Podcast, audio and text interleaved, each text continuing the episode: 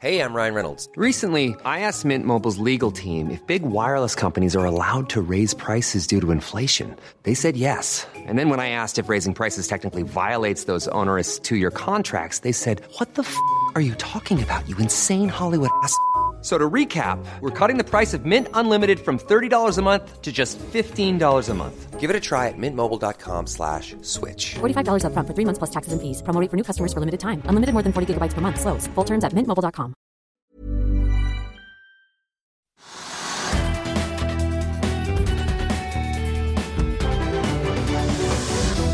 riktig god mandag og velkommen til Økonominyhetene på denne 10. oktober. I dagens sending så får vi besøk av eh, to herrer som begge er lidenskapelig opptatt av aksjer, og som nå er ute med ny bok. Alex Rosén og Roger Berntsen er straks med oss. Men la oss begynne å titte litt på markedet. Hovedindeksen i dag ned eh, 0,5 nå, etter å ha steget da, totalt sett 3% i forrige uke. Wall Street endte også opp i forrige uke. SMP var bl.a. opp halvannen prosent, til tross for da dette saftige fallet vi så på fredag etter de amerikanske jobbtallene kom på bordet, der ledigheten altså tikket ned fra 3,7 til 3,5% Og Vi så jo da Nasdaq falle nesten 4 SMP nesten 3% ned da på ukens siste børsdag. Futuresene peker mot et videre fall i dag, om ikke så stort. og Ser vi rundt oss i verden ellers har det vært ganske surt i Asia i dag. De japanske markedene var stengt. Tyskland og Norden er noen grønne unntak i dag, men unntaket fra den regelen det er Oslo, for her er vi også, også ned i dag, i motsetning til resten av eh, Norden, da altså. Vi får teknisk analyse av Tomra-aksjen i dag. En aksje som jo har fått skikkelig juling fra toppen på over 300 kroner ved starten av året, og den siste knekken vi så nå i september. Får også ta med litt eh, nyheter fra børsen selv. De har nå gitt eh, grønt lys til at Shelf Drilling kan eh, få komme seg på børs, nærmere bestemt Ironex Growth, trolig rundt den 12. oktober. Noram Drilling kom jo på Ironex Growth nå på fredag og har fortsatt å tikke oppover siden den gang. De åpnet på 41,10 og ligger i dag opp ytterligere 2% til nesten 45 kroner aksjen. Får vi også ta med Teco 2030, som annonserte en emisjon i helgen på 11 millioner til 4,54. De er nå ned en halv prosent til 4,78. Noreco kom med en liten oppdatering på Tyra, der løfteoperasjonen nå er ferdig altså på dette feltet på dansk sokkel. De er ned 2% og ligger dermed også på linje da med de andre oljeaksjene som er ganske mye ned i dag. Vi ser Equinor ned 1,5 Aker BP ned 3,3 alle venter jo på inflasjonstallene fra USA som kom på torsdag. I dag har vi fått de norske tallene, og de overrasket også på oppsiden, får vi si.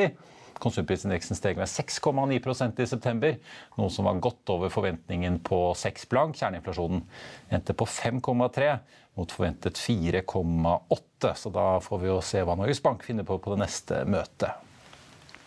Det er nye endringer i ledelsen i Equinor. I forrige uke ble det kjent at finansdirektør Ulrika Fern går av og hopper over til å bli finansdirektør i danske Carlsberg. Hun blir erstattet av Equinor-veteran Torgrim Reitan, og i dag kom meldingen om at den, sjefen for den internasjonale virksomheten i Equinor, Al Cook, går av for å lede et helt annet selskap enn noe bryggeriselskap. Han skal nemlig til diamantkonsernet The Bears. Han fortsetter imidlertid til 1.4 neste år for å da sikre overgangen til etterfølgeren, som foreløpig ikke er offentlig navngitt. Han begynte i Equinor tilbake i 2016 og har i tillegg til å lede flere av landvirksomhetene også vært sentral i selskapets strategiforvaltning.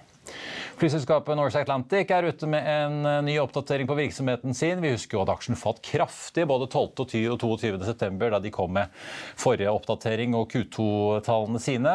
Nå skriver de at de venter både en bedre fyllingsgrad og bedre inntjening, altså yield etter beslutningen om å kutte kapasitet til vinteren. De tar bl.a. å gjøre om Los Angeles til en sesongrute. Norse har tatt levering så langt av 13 av sine 15 Dreamliner-fly fra Boeing, som jo Norwegian brukte før i sin langdistansesatsing. Fire er så langt leid ut til Air Europa, som jo gir ekstrainntekter både til leasingselskapet og Norse. Og nå melder Norse også at de er i forhandlinger om å leie ut et femte fly. Resten av flåten går jo på såkalt Power by the Hour, som gjør at de ikke betaler flyleie til leasingselskapet annet enn når flyene er i bruk. Norse slipper også litt tall for september måned. Passasjertallet endte på nesten 63 000. Det er opp, fra 7, opp 7 fra august. Fyllingsgraden i september var 56 ned fra 69 i august. og Da skylder de da på overkapasiteten som de nå tar ut. Flyaksjene får vi ta med. Norse Atlantic ned 0,2 i dag, flyr opp 0,4. Norwegian faller 2,7, men SAS faller hele 3,8% og så har jo TGS eh, i dag lagt frem forventninger for tredje kvartal. De venter nå nettoinntekter på 135 millioner dollar, ned fra 200 på samme tid i fjor. Den aksjen er ned drøye 5 og så har vi fått uh, tall fra interiørkjeden Kid. De omsatte for 735 millioner i tredje kvartal, opp fra da 731 på samme tid i fjor. Like for like-salget falt 0,4% basert på da en fast uh, valutakurs. Og hele kvartalsrapporten fra Kid den kommer 8.11, og den aksjen er ned litt over 1 i dag. En aksje som har svingt litt mer, er elbil-ladeselskapet Saptek, som til tross for en inntektsvekst på over 70% til 224 millioner, har vært ned så mye som 10% i dag. Det ble registrert nye ordre for 233 millioner, noe som er en økning på 58% og den aksjen er jo halvert så langt i år. La oss i Finansavisen hjelpe deg med å holde deg oppdatert på alt som skjer i finans og næringsliv. Hver morgen er jeg, Marius Lorentzen, og aksjekommentator Karl Johan Molnes på plass i studio for å ta tempen på dagens marked i Børsmorgen. På ettermiddagen oppsummerer vi alt du trenger å vite i økonominyhetene, og så får vi selvfølgelig besøk av masse interessante gjester. Du finner oss på fa.no-tv, eller ved å søke opp Børsmorgen og Økonominyhetene der du hører på podkast.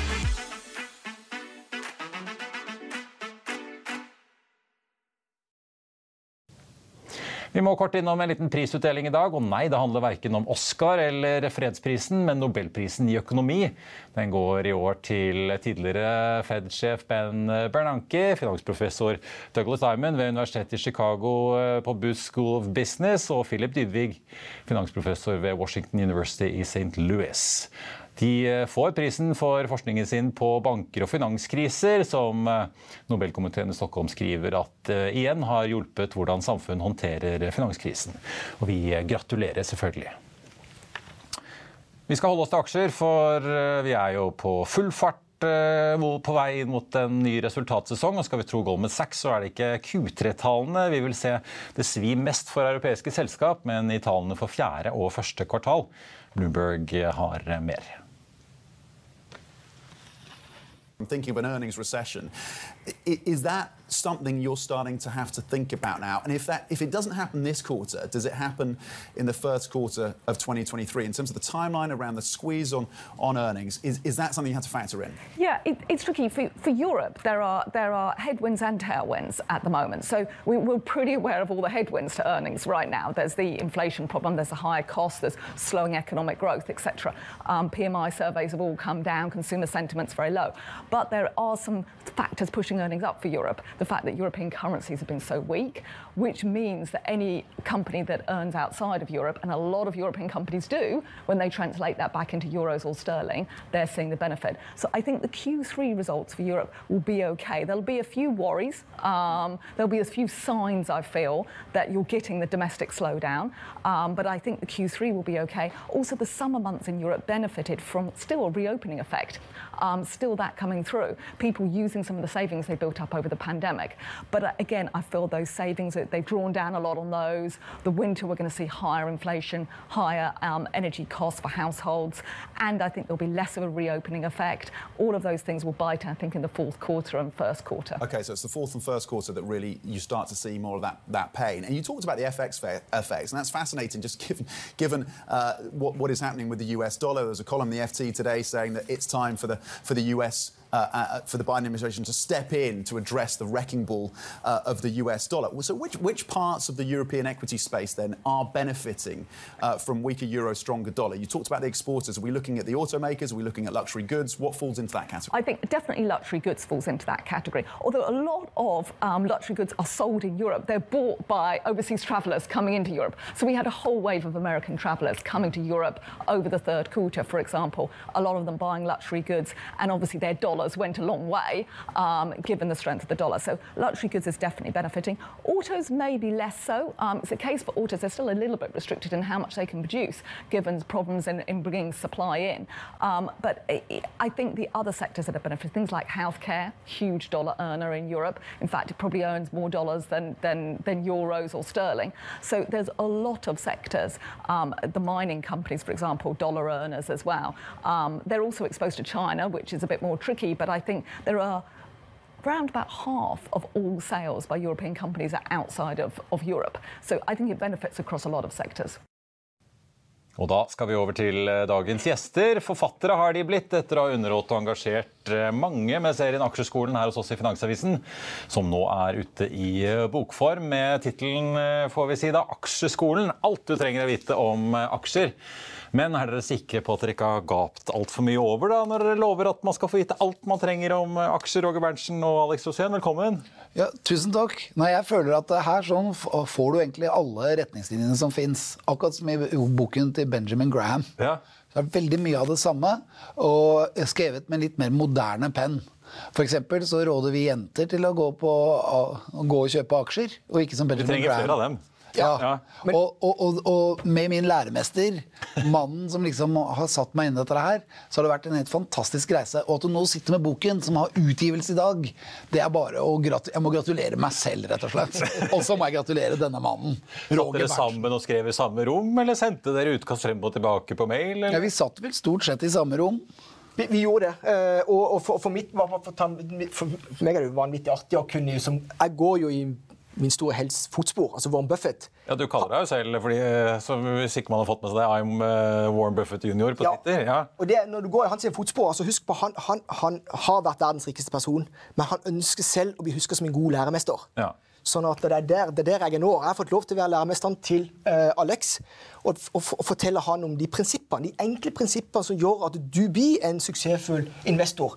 Og da er det hele tida å tenke på integritet, den eneste verdien du har, og være langsiktig og tenke som eier. Men Hvordan havnet dette i bokform? da, Alex? Du er jo, Mange husker jo deg som en eh, entusiastisk og blid og morsom kar på TV. Ja, Det som skjedde, var jo at korona kom. Da mistet jeg 50 jobber over natta. Og da tenkte jeg at eh, jeg har jo barn, familie, hus, gjeld, alt sammen. Nå måtte jeg tenke smart. Hva gjør jeg nå? Ja, Det- du skriver skrev jo om det, Hele bransjen din eh, sto jo plutselig der på Ja. bar bakke. Og, Og hadde mange tjente penger på korona, men det gjorde du ikke i showbusiness. Publikum forsvant. Og da men jeg tenkte at hva gjør jeg nå? Og det viktigste, som egentlig vi også skriver om i den boken, det er det vi kaller evnen til omstilling. Stille om på ting, gjøre ting du ikke kan. Og lære seg det. Og min manager sendte en e-mail til Trygve Hegnar og sa at nå har Alex solgt seilbåten sin. Ja, for det gjorde du faktisk. eh, For du, du tenkte sånn Hva sitter jeg på her nå? Ja, og du hadde litt eiendom, du hadde en båt, Ja. null jobbinntekt. Ja.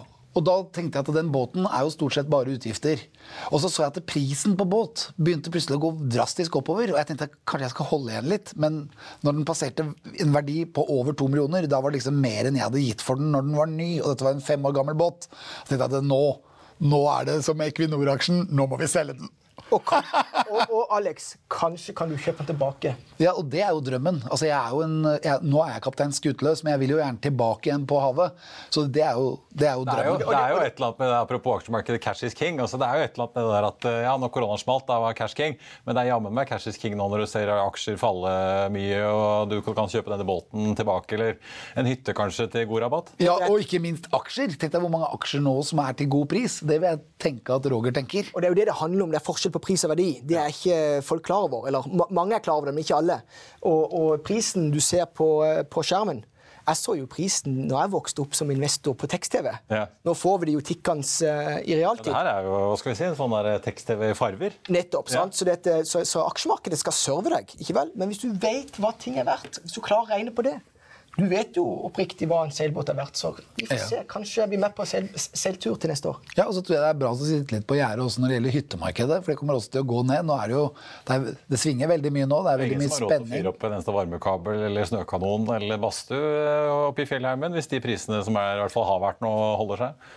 Nei, og vi kommer tilbake til det. Altså, det er en stor kraft der ute i markedet, og det er jo renta. Ja. Så ikke vel? Uh, renta kommer til å bite uh, på, på den ene måten eller den andre. Og, og eh, det drar jo ned eh, prisene vi ser i, i markedet. Men du, dere fortell litt, altså. Da, Det for det jeg tenker på da, Roger, du jobber i Nornett. Men siden du kaller deg Warren Buffett jr., burde ikke du eid Nornett? Ja, la det være sagt. Altså, det er jo litt er Gi han litt tid. Hør her, hør her. Det egentlig livet handler om, og det mener jeg at så, ti, så fort du lærer det, jo bedre er det. Det er alltid å tenke og oppføre seg som eier i alle prosjekter du er involvert i. Sånn at når jeg går på jobb for Nordnett, så tenker jeg som at jeg eier Nordnett. Når jeg går i studio her, så tenker jeg som at jeg eier Hegnar TV. Og det betyr at du må ivareta altså rykte, renommé, integriteten. Så det skal være en verdi der til seere og lyttere. Og så på jobb hos meg så skal det være en verdi ut til våre kunder. Og nå har vi jo 1,67 millioner kunder i Norden, blant annet. Og 350 000 bare i Norge, så det er mange der ute. Så jeg tenker opp oppføre som eier. eh, Altså, når jeg kommer inn her, så tenker jeg at det er mitt show, men jeg tenker ikke at jeg eier Hegnar Media. Altså, det er så jeg så tenker gutsy er ikke jeg jeg. tenker det, for det har jeg lært av Roger. Ja, sånn. Men Fortell litt da om denne veien inn, for det kunne jo knapt vært en bedre timing egentlig å komme inn med to millioner i cash i aksjemarkedet våren 2020. sånn egentlig. Da hadde jo alt falt masse. Ja, Det men har jo gått som en kule, men Vi har jo nå sett ganske mange grønne aksjer. Det er generelt ganske mange aksjer som har fått kjørt seg ganske hardt det siste året. halvannet. Eh, Hvor føler du du står nå, Alex, etter å ha vært på denne berg-og-dal-banen og snart i to sykluser på bare et par år? Ja, det har jo det har skjedd veldig mye. Men jeg sier som uh, Nietzsche uh, Du må alltid bryte med din læremester for at utviklingen skal gå videre. Og det gjorde jeg. Jeg kjøpte nemlig Tesla. Mens han ville at jeg skulle kjøpe Movi. Og Movi, det kjenner vi jo alle til, det har jo ikke gått bra i det siste. I hvert fall ikke det siste. Mens Tesla de holder seg litt sånn Du har fortsatt Er de underpriset? Er de overpriset? Ja, ja, ja, jeg har troen, og jeg har troen på lang sikt. Det har jeg lært av Roger. Men det er noen ting vi er uenig i. Men eh, sånn er det, ikke sant. Men Roger, er det det neste boken skal handle om? da? Diversifisering og sjømat? For at, uh, du, du har jo vært veldig glad i den sjømatsektoren, men oi, oi, oi, de har fått kjørt seg den siste tiden. Absolutt. å komme tilbake til det der at uh, i det norske samfunnet altså, Norge er jo trippel A-rata økonomi. Det betyr at vi skal kunne stole på våre institusjoner. Eh, og da kommer vi tilbake til begrepet, viktig begrep, integritet. Gjør du fortsatt det, da, etter å ha sett seansen på Blåfarverket det med kan jeg si Gahr Støre og Slagsvold Vedum? Innføringa av grunnrentebeskatning over natta i, for laks havbruksnæringa det vitner ikke til høy integritet. Ikke vel? Og, og til syvende og sist, den eneste reelle verdien du har i livet, det er din integritet. Så integriteten har blitt svikta, sånn som fra mitt ståsted.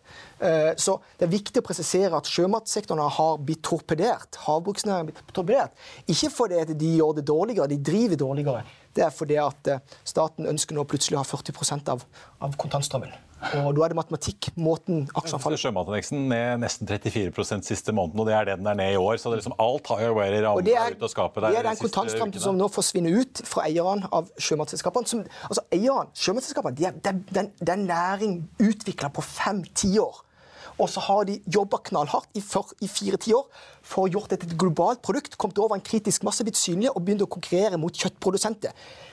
Norsk sjømat havbruk det handler om konkurranse David mot Goliat med prote- proteinproduksjon. Men da er spørsmålet, apropos omstillingsevne, omstiller du deg nå vekk fra sjømat, eller har du fortsatt troa? Nei, men det, det gjør han ikke. For han sier jo en ting. 'Når skal du selge, Roger?' sier jeg. Og da sier han 'aldri'.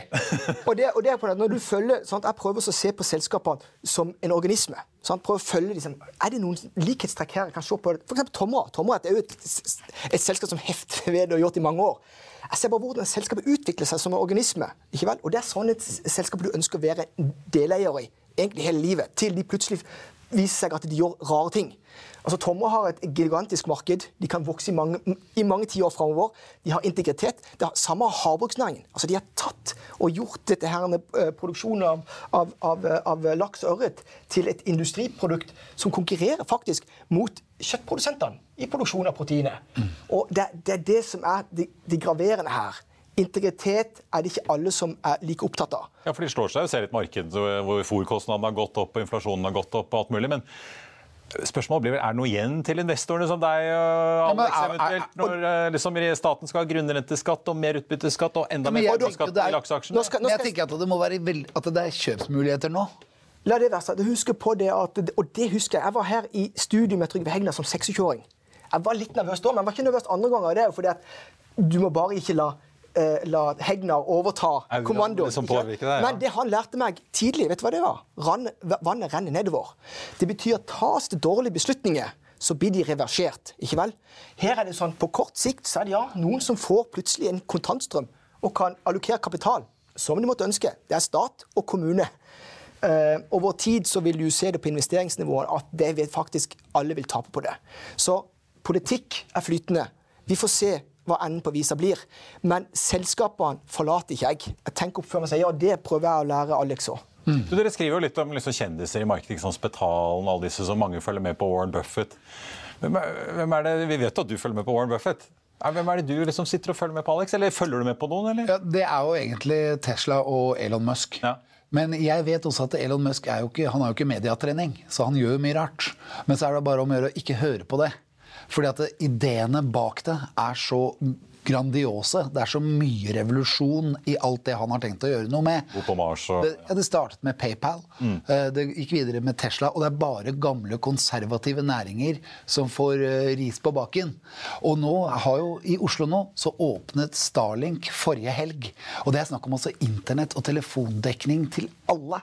Helt uten, altså Du behøver egentlig ikke Telia-kortet ditt, du behøver ikke Telenor. Du kan gå rett på Tesla, og så får du bilen din til å fungere med det. Og så har du et brukergrensesnitt som ikke ligner noe. Nå kommer det egne Tesla-telefoner. blir Nei, men det er, det er en revolusjon på gang.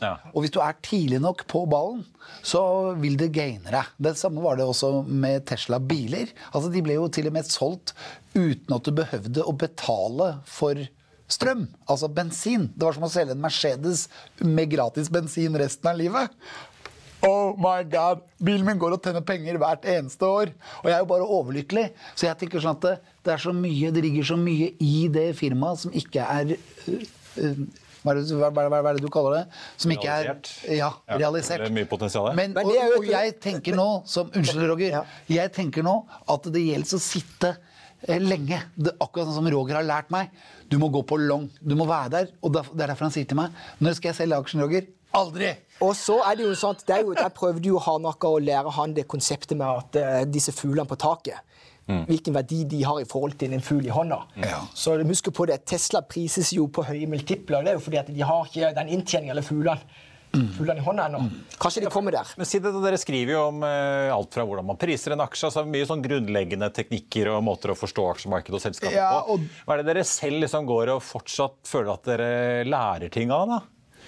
Jeg kan ta for min egen del. altså Ja. Det er bare egentlig å bli forfatter. Ja. Det har jo tatt mitt mindset til Du skriver morgenrapporter hver eneste dag. Jeg har det, så har Det er noe litt annet. Jeg har gjort det faktisk i er det 16 år hver dag. i 16 år. Og Det er min interne konkurranse med Trygve Hegnar, som har skrevet ledere. Så jeg må bare sørge for å leve lenger enn Trygve Hegnar for å kunne slå han på antall daglige ledere. Men ja, helt rett, så har jeg skrevet mye. Men du tar jo som hele prosessen din til et nytt nivå. Så, så jeg har blitt uh, litt trigga av det å, å, å skrive bok. Ja, Hvilket felt er sånn er det du føler du lærer hele tiden? Alex, som du fortsatt fortsatt liksom... Finans. Jeg, har, jeg er en standup-komiker, jeg er en artist, rockestjerne. Showman, kalles, ja. kaptein på havet. Men å komme inn, inn i Bestefar var veldig opptatt av aksjer. Han pratet veldig mye om det. Og jeg husker hva bestefar sa til meg når jeg var liten. Så sa han det at den som ikke er sosialist som ung, har ikke hjerte. Den som ikke er kapitalist som gammel, har ikke hjerne. Det er nå den modne Alex Rosén som begynner å vokse frem. Det jeg tror det. Ja. Og, og så er det det at man må være åpen for at ting forandrer seg. Og man må liksom kunne ta den evnen til omstilling. For jeg får jo bare et nytt ben å stå på. Og så er det jo det at jeg har knyttet gode vennskapsbånd til den mannen her, og som bare åpner en helt ny verden for meg. Og da er det bare om å gjøre å huske at det hele livet er læring. Hele livet. Vi lærer hver eneste dag. Og det er der jeg har satt meg på liksom om hva selskapene driver med, eller er det måten markedet agerer på? Samfunnet. Ja. Det er som å være en aktør i samfunnet. Og jeg mener det å eie aksjer, det er å ta sin del av ansvaret. At det er faktisk samfunnsbygging vi driver med. Så når du går ut, og så tenker jeg at det, det viktigste problemet vi har på jorden i dag, det er å løse global overoppheting. Og det er jo det Elon er på vei til. Så jeg har nå en podkast som heter Alex Rosén reiser til Mars, og vi snakker bare om hvordan vi skal komme oss til Mars, og hvordan vi skal redde jorden. Og det for meg er kjempeviktig. Og da, når jeg kan da pare det sammen med finans, så er det jo enda mer morsomt. Og det, det er jo bare det å, å oppleve verden og oppleve alt det som skjer, og så kunne være en iakttaker og være en deltaker. Men vi har jo liksom vår lille klikk i finansverden hvor vi sitter og snakker med næringslivsledere og folk i meglerhus og sånn. Men Alex, Du må nesten fortelle om disse sosionomene. at eh, Det er ikke alltid dette budskapet om at det er gøy å eie aksjer, går rett hjem. Ja, nei, Jeg har jo hatt show hvor jeg har pratet om aksjer til sosionomer, og de har ikke skjønt noen ting. Men det er jo litt gøy òg, for at jeg prater jo om det på en litt sånn morsom måte. Men, og dessuten så skjønner jeg jo også det at det, man kan ha forskjellige politiske plattformer. Men jeg var ganske radikal og har vært det flere ganger i livet. Men så var det det at når jeg fant ut at moralen bak det å eie aksjer er faktisk ikke å å fòre egen lomme med cash. Det er faktisk å investere for at andre skal ha det bra. Og med en gang jeg skjønte det, at det var faktisk å skape arbeidsplasser, skape nye produkter som gjør at vi er på vei mot en bedre verden, da tenkte jeg at det, det, dette vil jeg høre mer om. Dette her er det. Og det var egentlig min hovedgrunn til at jeg havnet der, at jeg lagde den boken sammen, sammen med Roger. Det var faktisk at moralen passet som hånd i hanske. Selv om sosionomene ikke alltid Nei, men Det kan man diskutere, men det er allikevel det at folk trenger mat på bordet. De trenger å ha skoler, de trenger å ha noen å skatte. Sånn som jeg sier at Det vi burde hatt på i Finansavisen, var vel om de skrev at uh, det vi trenger, det er at uh, bøndene får mer penger. Altså, du får høre fra han der oppe. Til slutt, dere. Eh, Roger, du skriver jo ganske sånn fascinerende om altså, Det var vel i 2015 eh, da du var i Omaha og fikk observere oraklet selv på nært hold, og til og med fikk eh, noen få ord eh, på hva skal vi si, eh, hva blir det firemannshånd med Bill Gates og Warren Buffett? Ja, og det, det, er jo en, et, høydepunkt. Var det liksom som å møte Jesus omtrent for en, et medlem av pinsebevegelsen? Ja. Nei, men altså, Jeg hadde gjort min research, så jeg visste hvor de mest sannsynlig kom til å være midt på natta. For de har et eksklusivt intervju med CNBC, og de har hatt hvert år. Har de hver gang, ja. ja og der klarte jeg eh, faktisk å finne fram. Finne fram ja. på natta. Ingen vakter. Sto der sammen med CNBC, og vi måtte date i et par timer. Og når det var ferdig, så tok jeg kontakt. Eh, og historien, det er jo en god historie. For det at eh, der og da, Jeg fikk jo ikke autografen til Buffett men jeg fikk til Bill Gates. Og, eh, og, og det, er, det, er, jo en artig Jo, jo eldre har blitt, jo mer verdifull blir den, uh, blir den storyen. Uh, rett og slett. Men det, det var et, helt, helt, åpenbart et høydepunkt. Alex, dette har blitt kalt kapitalismens Woodstock. Er du med på guttetur sammen med Roger neste gang til Omahane Braska? Hvis jeg kan få, få en mulighet til å reise på, på guttetur med den mannen her, da er jeg med. Det vet jeg kommer til å bli kjempegøy. For det er så gøy at For han er jo, på, han er jo nerd. Har du fått kjøpt en aksje i Berkshire Hathaway, da? Ja, det har jeg kjøpt. Og det var fordi jeg skjønte at det var smart. De hadde en veldig fin kurve. Og så tenkte jeg, og, det, og det, den, har ikke, den har ikke gått gjennom gulvet, for å si det sånn. Og det er jo som hemmeligheten. Tenk det. Han er 92 år nå, Buffett. Men det er ingen som, som gjør det bedre på børs nå enn Berkshire. Det siste året i alle fall. Når inflasjonen er høy. Ja. Eh, Berkshire-systemet er alltid rigga for uh, uvær. Om det er dårlige tider eller gode tider, så drikker folk cola. Det. Men her er boka. Ja, det det Nå er den ute. Nå skal du få, vi skal signere den til deg. Så du kan ha den i et sånt glassmonter. Autograf og selfie kan jeg si at uh, Jeg glemte å spørre Alex Osen, men jeg fikk, jeg fikk autografen til Roger Berntsen. Det dere, Alex Osen og Roger Berntsen, tusen takk skal dere På tampen av sendingen så tenkte jeg bare vi skulle oppsummere litt uh, over de aksjene som har eh, preget dagen. Hovedveksten er nå ned 0,3% til 1132 poeng, hvis oljeprisen har falt litt tilbake i dag. Men ligger fortsatt på 97,70 for et fat nordsjøolje i spotmarkedet, ned 0,6% Men likevel, uh, vi har jo da ikke sett en oljepris på 100 dollar siden slutten av august. 31. Eh, for å være helt eh, presis. Hvis vi nå begynner å se det, så vil jo det være et eh, lite taktskifte i markedet. Etter at OPEC altså i forrige uke varslet et produksjonskutt fra og med november på to millioner. I hvert fall ut fra deres produksjonsmål. Oljeaksjene på Oslo Børs gjør det ikke spesielt bra i dag. Ned halvannen prosent på Equinor. Aker BP 3,3 ned. Vår Energi ned 2,2. PGS ned 3,1% TGS, som jo kom med en oppdatering for tredje kvartal, ned nå 5,1% og dermed en av de aksjene som gjør det svakest på mest eh, omsatt listen. Og så ta med Flex LNG, som er opp en halv prosent i dag. Toppsjefen selv er ute og hva skal vi si, buller aksjen på eh, Twitter og sier sitat shortere er de beste aksjonærene du kan ha, fordi du vet at de snart må kjøpe aksjen din. Og mer om det kan du lese på fa.no. Tenkte også bare skulle slå opp kjapt på Norse Atlantic på tampen her, nå ned 3 eh, Dermed har de da fire dager med ganske solid fall bak seg på børsen. De kom jo da med litt trafikk da for september og varslet også at de er i forhandlinger da om å leie ut det femte flyet i flåten sin, som da totalt utgjør 15 fly, som de da eh, har mottatt alle unntatt eh, to på. Ellers rundt oss i Europa grønt i Norden i dag. Også nedover på kontinentet har det bikket oppover nå. Dagsindeksen i Tyskland annet opp 1,1% De nordiske indeksene ligger jo og vaker mellom 0,75 og 1% opp, med det store unntaket, som da altså er Oslo Børs.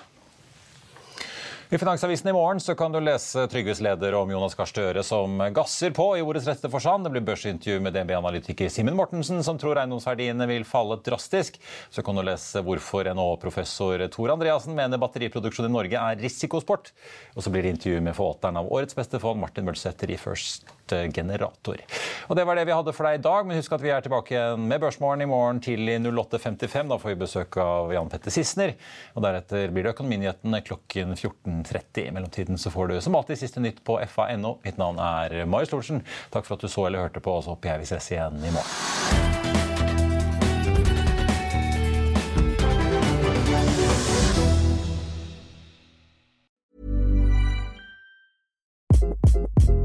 Hi, this is Craig Robinson from Ways to Win, and support for this podcast comes from Invesco QQQ. The future isn't scary. Not realizing its potential, however, could be. Just like on the recruiting trail, I've seen potential come in many forms as a coach. Learn more at Invesco.com slash QQQ. Let's rethink possibility. Invesco Distributors, Inc.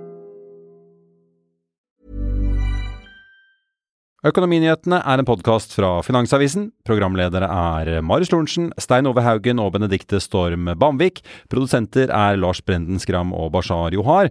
Og ansvarlig redaktør er Trygve Hegnar.